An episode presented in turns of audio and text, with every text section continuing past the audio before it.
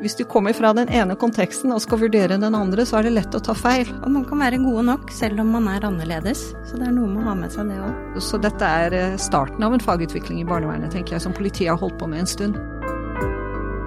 Fagbokboden er laget i samarbeid med Gyldendal. Ny fagbokpod. Denne gangen så handler det om analyse i komplekse barnevernssaker, som er eh, tittelen på, på, boka. Men undertittelen er 'Fra magefølelse til kritisk tenkning'. Og I studio så har Judith van der Wele kommet, som er psykologspesialist med fordypning i klinisk arbeid med voksne. Og Kjersti Karlsen, som også er psykologspesialist med klinisk fordypning i arbeid med barn og ungdom. Og begge to er barnesakkyndige. Da jeg bare kikket i eh, forordet på boka, så slo det meg at her er det to personer som har sett, opplevd, kjent på at man har tenkt feil, og feil avgjørelse har blitt tatt i barnevernssaker. Og her må noe ut. Eh, er det riktig? Ja, det tenker jeg at det er. Og nettopp det at vi har jobba tett på veldig kompliserte saker, begge to, mm. og sett eh, saker og konsekvenser av saker som ikke har blitt forstått godt nok og bredt nok, det har jo satt spor i begge to. Jeg tror vi har hatt med oss barn og familier mens vi har skrevet, uh, som kunne ha blitt forstått på en bedre måte hvis man hadde jobbet mer strukturert med, med analyse. Mm. Mm. Bare for, bare for sånn eh, samle så alle skjønner hva bare sånn eksempelvis, Dere har jo en case, Sandra, som dere kaller henne, i boken. Eh, men for eksempel at man har trodd at et barn har vært traumatisert av vold i hjemmet, og så har kanskje barnet en psykodiagnose, mm. altså er syk på et vis. Og man på en måte har handlet ut ifra at man trodde det var noe i hjemmet, og så var det barnet selv som var sykt. Det er sånne type eksempler dere eh, behandler også? Ja, det handler vel om å ha flere tanker i hodet samtidig. Hva kan det være? Og ikke hoppe på første tog som kommer, og få det tunnelblikket man kan få da. For det er klart at det kan være et traumatisert barn man møter. Mm. Men symptomene vi ser på traumatisering kan også bety noe annet.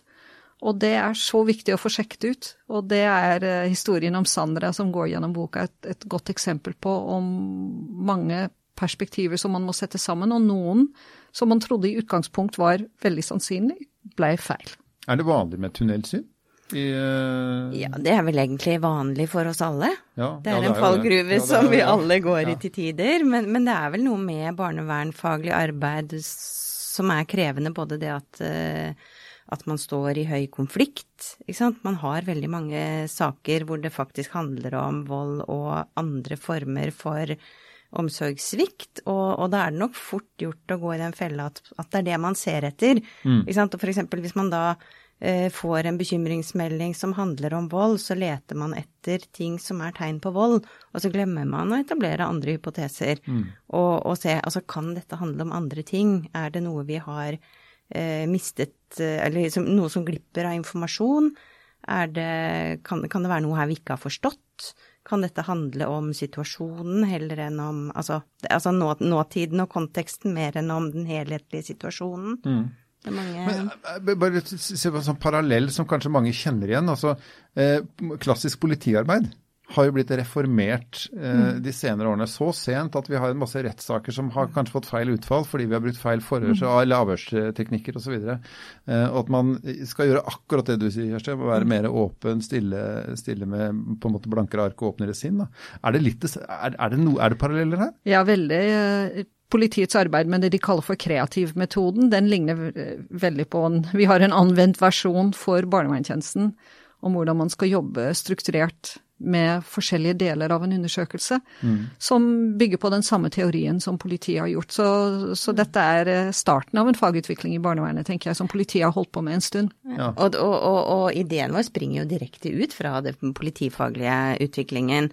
Eh, fordi mannen din eh, ja. har jobbet med dette i, i politiet. Ja. Mm. Eh, og, og, og, vi har falt for den måten å tenke på. Du skulle ha sett uh, min, min politimannens blikk når han skjønte at ikke jeg skjønne, kunne forskjellen mellom A-, B- og C-kilder. Okay. Altså, det var for meg helt nye begreper, og jeg hadde vurdert mange folk og mye informasjon fra før, men jeg hadde aldri stoppet opp ved er det førstehåndsinformasjon, annenhånds eller tredjehånds? Og det er veldig opplagt antagelig for en journalist, men det var ikke det for meg. Og det sa noe om ikke bare meg som person, men kanskje om den faglige bakgrunnen jeg har. ikke sant? Man er vant til å ta ting som blir sagt på face value, mm. og at det, er, at det, er, sant, og at jeg forstår det riktig. Uh, så hans uh, sjokk, da, med mm. min manglende kildekritiske tenkning, uh, var en veldig fin vekker, da. Og gjorde meg nysgjerrig på hans kompetanse. Ja, det er stor forskjell på om en person forteller om noe hen har hørt, kontra sett og opplevd. Ja. Forskjellige ting, det. Men uh, dere snakker ja. også om et begrep som uh, altså kritisk refleksjon og analyse. Eh, kan dere si noe om det litt sånn systematiske i det? Fordi at, så ok, så er man barnevernsarbeider, da, førstelinje, ikke sant, og så, og så, drar det seg til. Og så tror man noe veldig, og så tenker man her må vi bare få gjort noe. og så og så langt inn i bakhuset tenker jeg men jeg kan ta feil. Mm. Hva, hva, hvordan skal jeg begynne? Mm. Nei, men det med kritisk refleksjon, så ligger det jo nettopp det å ta et skritt tilbake og, og vurdere hva er det jeg står i, hva slags informasjon trenger jeg, hva slags informasjon er det jeg har, eh, hvordan skal dette tolkes? Og, og, og med analyses Altså det, det er jo eh, egentlig flere steg hvor det første skrittet er å nettopp vurdere kildene som vi har vært inne på, men også å vurdere hva er det jeg formes av som mm. påvirker hvordan jeg ser på denne saken, hvordan jeg konkluderer i denne saken. Og det er jo det vi kaller feilkilder, beslutningsfeller, i boka vår. Ikke mm. sant? Og det er nesten å være, ha kritisk refleksjon, refleksjon er jo nesten som å være litt paranoid hele tiden. Ja. Er det noe jeg har gått glipp av her? og det er en ganske krevende prosess, da. Aldri være helt fornøyd, liksom. Ja, og så skal man på en måte bli glad i de kollegene som hele tiden sier ja, men. Mm. Da, egentlig har man lyst på støtte på ens eget perspektiv. og både psykologien og barnevernet er fylt med sånne faglige moteretninger, så det er veldig lett å kjøre et tog hvor alle er veldig begeistret på én måte å tenke på. Mm. Og da, da er dette kritiske tenkningen ja, men stemmer dette her, i denne saken, denne ungen og denne familien? Det er kanskje vanskelig å opprettholde, da. Så det krever et arbeid i et miljø om man skal ha evnen til kritisk refleksjon. Det er ikke bare noe enkeltpersoner har, men vi trenger støtte i et arbeidsmiljø for å kunne bli god på dette, da. Og kanskje bli glad i den delen av seg som på en måte i gåseøynene da ødelegger disse fine teoriene ja. uh, litt hele tiden? Det er noe med det. Mm. Og, og, og, vi liker jo å føle at vi kan noe, tenker jeg. Ikke sant? Og med en gang vi skal være kritiske til det vi gjør, så føler vi at vi ikke kan det så godt, og da stiller vi oss selv litt i veggen, på sett og vis. Eh, Judith og jeg har jobbet eh, noen saker sammen hvor vi eh, Det var kanskje i starten hvor vi liksom begynte å tenke mye på dette her, hvor vi eh, tok aktivt eh, forskjellige perspektiv i saken. Mm. For å liksom lære å tvinge oss til å eh, tenke annerledes, se om det fins et annet perspektiv på dette her enn mitt perspektiv. Og det har i hvert fall vært veldig lærerikt for meg. Man må kanskje være nyttig og i hvert fall alltid være kritisk til den første oppfatningen man klarer å forme seg. Eh, mm. For den, det er jo liksom sånn, jeg tror de aller fleste skal lage sånn herværende eksempel. Hvis du snakker om to stykker som er skilt. Du kjente, mm. du kjente begge to, ikke sant. Mm. Og, så, og, så, og, så, snakker du med den ene, og så tenker du å, fæl han var fæl. Mm. Og så snakker du med typen, og så bare Nei, var sånn det så ut, ja. ja vel, så skifter du på en måte fullstendig mening. Er, er det mm. sånne opplevelser dere på en måte eh, er ute etter at skal, alle mennesker skal få også jobben sin? Ja, det, er, det, er, det, du kaller der, er for en ankringsbias. Altså at du liksom den første inntrykksfellen man kan falle i. Og det er jo en sånn latskapsfelle, da, hvis man kan ja. si det sånn. Hvis man bare fortsetter å opprettholde den og ikke er villig til å la den bli rokket ved ved senere møtepunkter med de personene eller med andre personer. Så det eh, Jeg tenker man møter det hele tiden.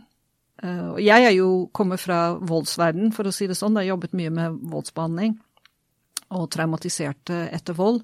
Så en av mine frykter da, er at jeg skal ha en ankringsbias som går på at jeg ser vold overalt. Mm. Ikke sant?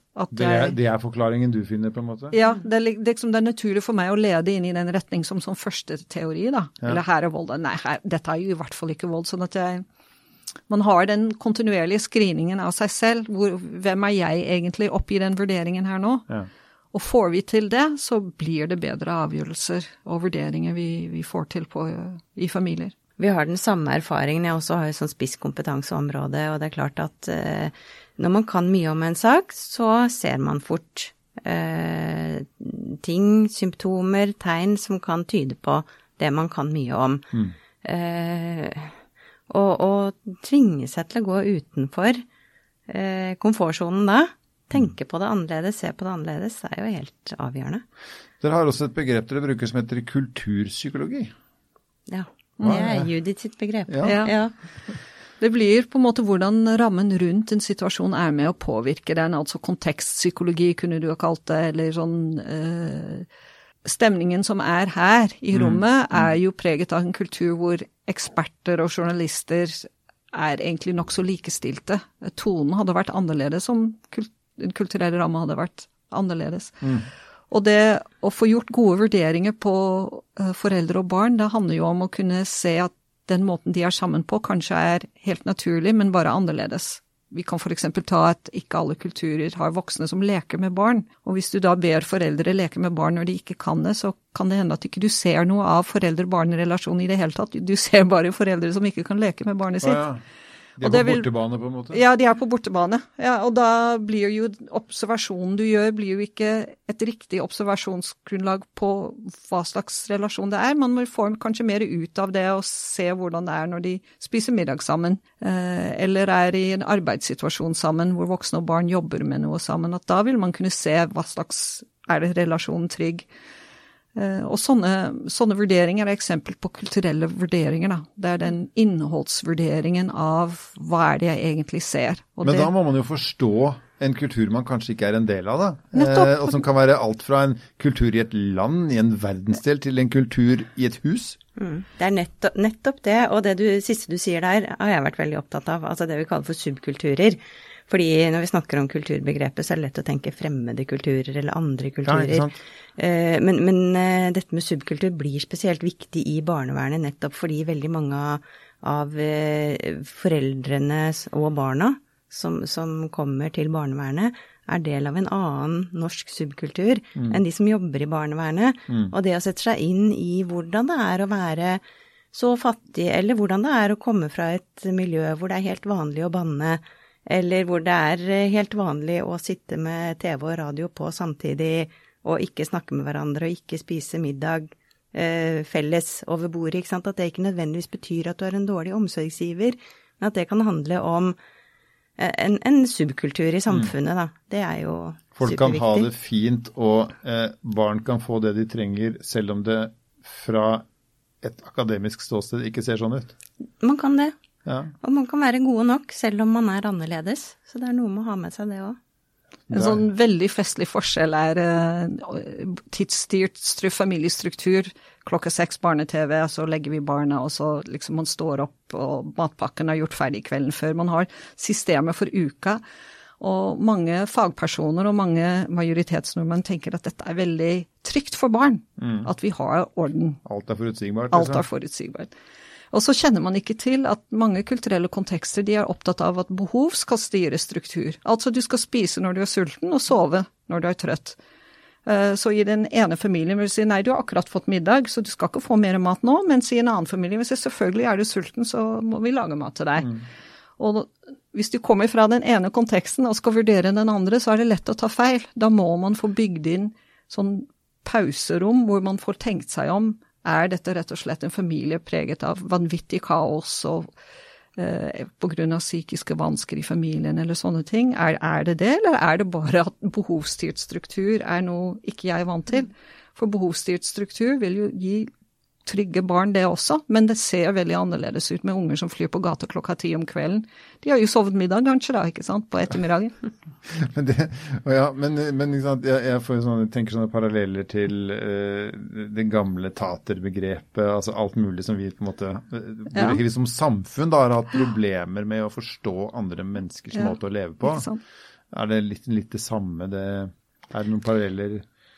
Det er én bit av den kulturelle analysen. Jeg er bare ute etter ting som folk kan kjenne igjen, da. Ja, ikke sant. Ja. Mm, det er helt klart en bit at den blikket ut på andre, som, eh, som, kan se veldig fremmed ut, som man må få tatt få hjelp til å forstå, da. Mm. Men det andre er jo også hvordan regulerer du makt. Mm. Altså det å komme som ekspert og skal mene noe om andre.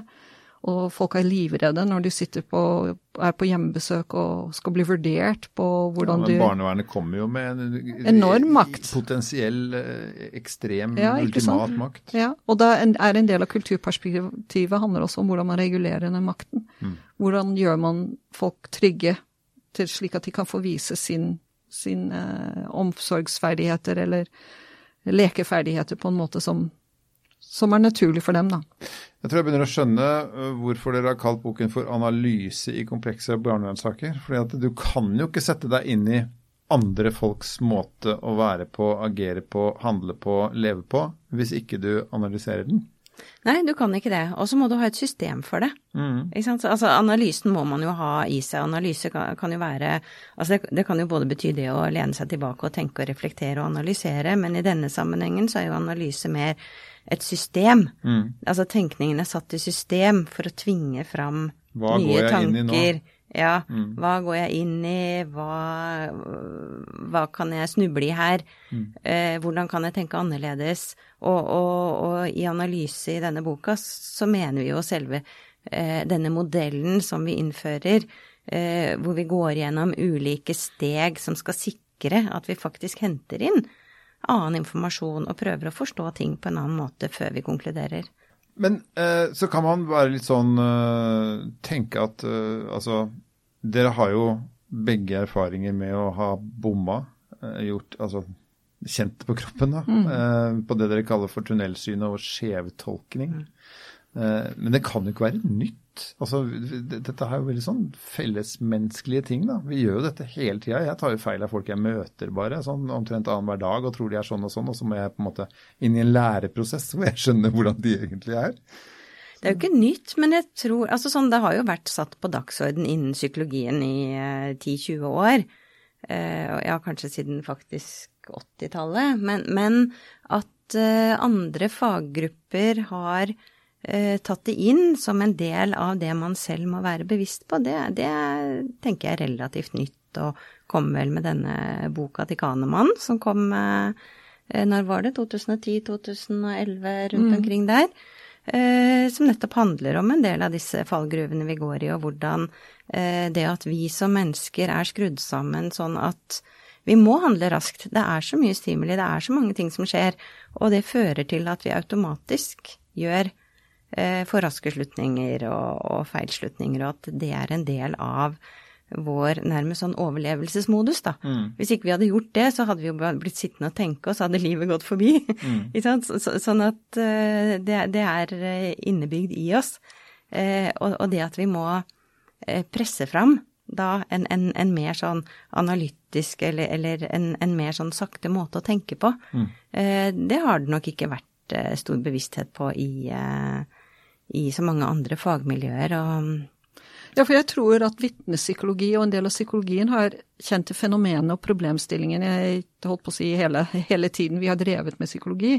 Men selve det hvordan man skal uh, sørge for at ikke man får sånne følgefeil og, og ta beslutninger på feil grunnlag, det er liksom mer en nyere kunnskap, tror jeg. Man, mm. Hvordan man kan gjøre det på en bedre måte. Passe mm. på at at barn får de gode rammene å kunne uttale seg, at man får undersøkt bredt nok om hva ting kan handle om.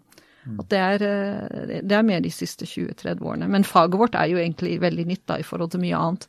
Det er, ja, hva er 100 altså, år? og så tenker jeg at det handler jo også om altså For én ting er fag og som du sier, ikke sant, akademia, hva som utvikles av kunnskap og sånn, en annen ting er hvordan det faktisk eh, kommer til uttrykk eh, der hvor ut, det faktisk ut, gjelder. Ute ut i terrenget? Ja. ja.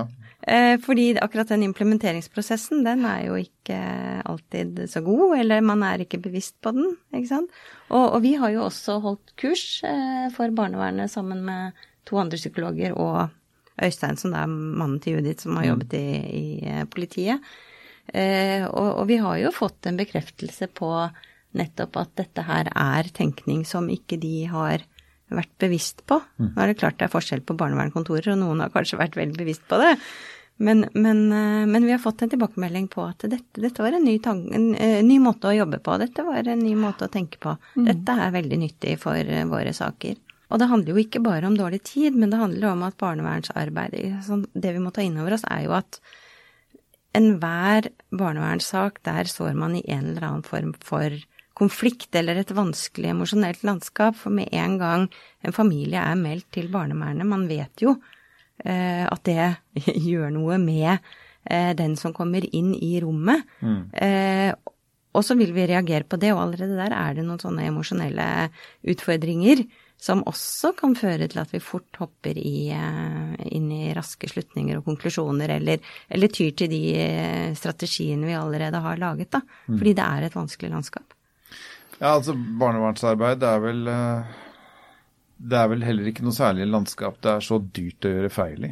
Mm. Med tanke på at det tar så lang tid. Disse som man har begått feilene overfor, skal leve mm. så lenge etterpå. Mm. Ja, det er, det er dramatisk. Og det er viktig at man får brukt tiden riktig. De som har vært på kurset med oss, de sier egentlig at de omorganiserer møtene sine. At det er mer hvordan man jobber, eller hva man snakker om på møtene. Hvordan man henter inn informasjon hvordan man trekker en beslutning, hvordan man gjør det. At det, at det er en justering av kurset. da. Og jeg må si at uh, oppsummeringsnotatene uh, er mye strammere og kortere enn lange, lange beskrivelser opp, side opp, side ned om hva man har sett hos foreldre.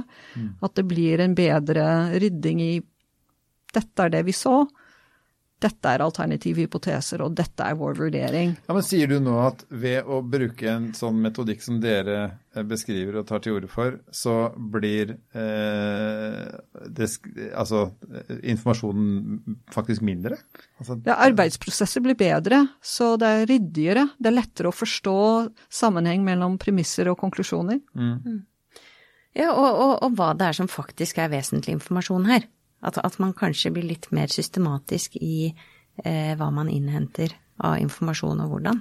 Og hvem det var som faktisk hadde sett, og hvem som trodde de hadde sett eller hørte at noen hadde ja. sett. Og hvem var det som sa dette her, og mm. skal vi stole på vedkommende, eller var det en grunn til at vedkommende sa dette her, som kanskje gir oss grunn til å tenke eller være litt skeptiske til informasjonen? Vi har lagd eh, flere podkaster om barnevern. Mm. Så har stilt et spørsmål til slutt uh, hver gang, og det er Kommer vi noen gang til å få, og er det ønskelig at vi får et perfekt barnevern? Er det, eller er det mulig? Nei, ikke får vi bort alle trafikkulykker ved forebygging og ikke Jeg tror reparasjonskompetanse blir ganske viktig, at vi gjør feil og ydmykhet i forhold til det å kunne liksom gå etter. Og det tenker jeg er en del av kritisk refleksjon, er jo nettopp den evalueringsarbeidet. Hva var det som gikk galt i denne saken? Ja, for det er på en måte litt spørsmålet mitt. Skal ja. vi være litt glad for at vi hele tiden har ja. noe å strekke oss etter? på en måte? Ja. At, vi, at det... vi egentlig ikke får det til? da? Hvis vi hadde fått det til, så hadde vi vel strengt tatt ikke fått det til. For vi hadde kommet til å gjøre feil. Altså, for det er såpass sammensatt og komplekst, så det er kanskje det du vil fram til her. Ja. Mm. Men det er viktig, da. Det, det, er viktig med den stringensen som ligger i teorien som boken beskriver, og metodene. Det er, tenk at hvis at det er noen i en gruppe på en tjeneste som sier 'men hva om barnet lyver'? Mm. Det er ganske dramatisk, for det er jo en tjeneste som skal ta barn på alvor. Men nettopp for å sikre oss at vi får gitt barnet det barnet trenger, må vi også gjennom det noe, Må det falsifiseres, da? Kan det være slik at barnet hva vil det kunne tyde på det? At dette er en misforståelse, eller barnet som snakker usant eller overdriver. Og for, har vi fått kartlagt det, så vil vi også kunne legge bort det og si ja, men akkurat dette barnet er veldig eh, Gir egentlig ganske solid informasjon. Men gjør vi det ikke, så, så, glipper man i forhold til akkurat det barnet det gjelder, da. Så det blir en, eh, en, eh, en, en disiplin, da. En stringens i vurderingsarbeidet som, som vil gjøre at tiltakene våre blir mye mer presise. Vi vil kanskje få både tryggere barn og mer tillitsfulle foreldre som når de møter oss, at de er trygge på at vi ser en større helhet og ikke hopper rett på en av delene. Bør vi vinke farvel til magefølelsen? Det bør vi. Det har vi vel eh, sagt litt om i denne boka, og tittelen viser jo til det. Du har hørt Fagbokpodden, som er laget i samarbeid med Gyldendal.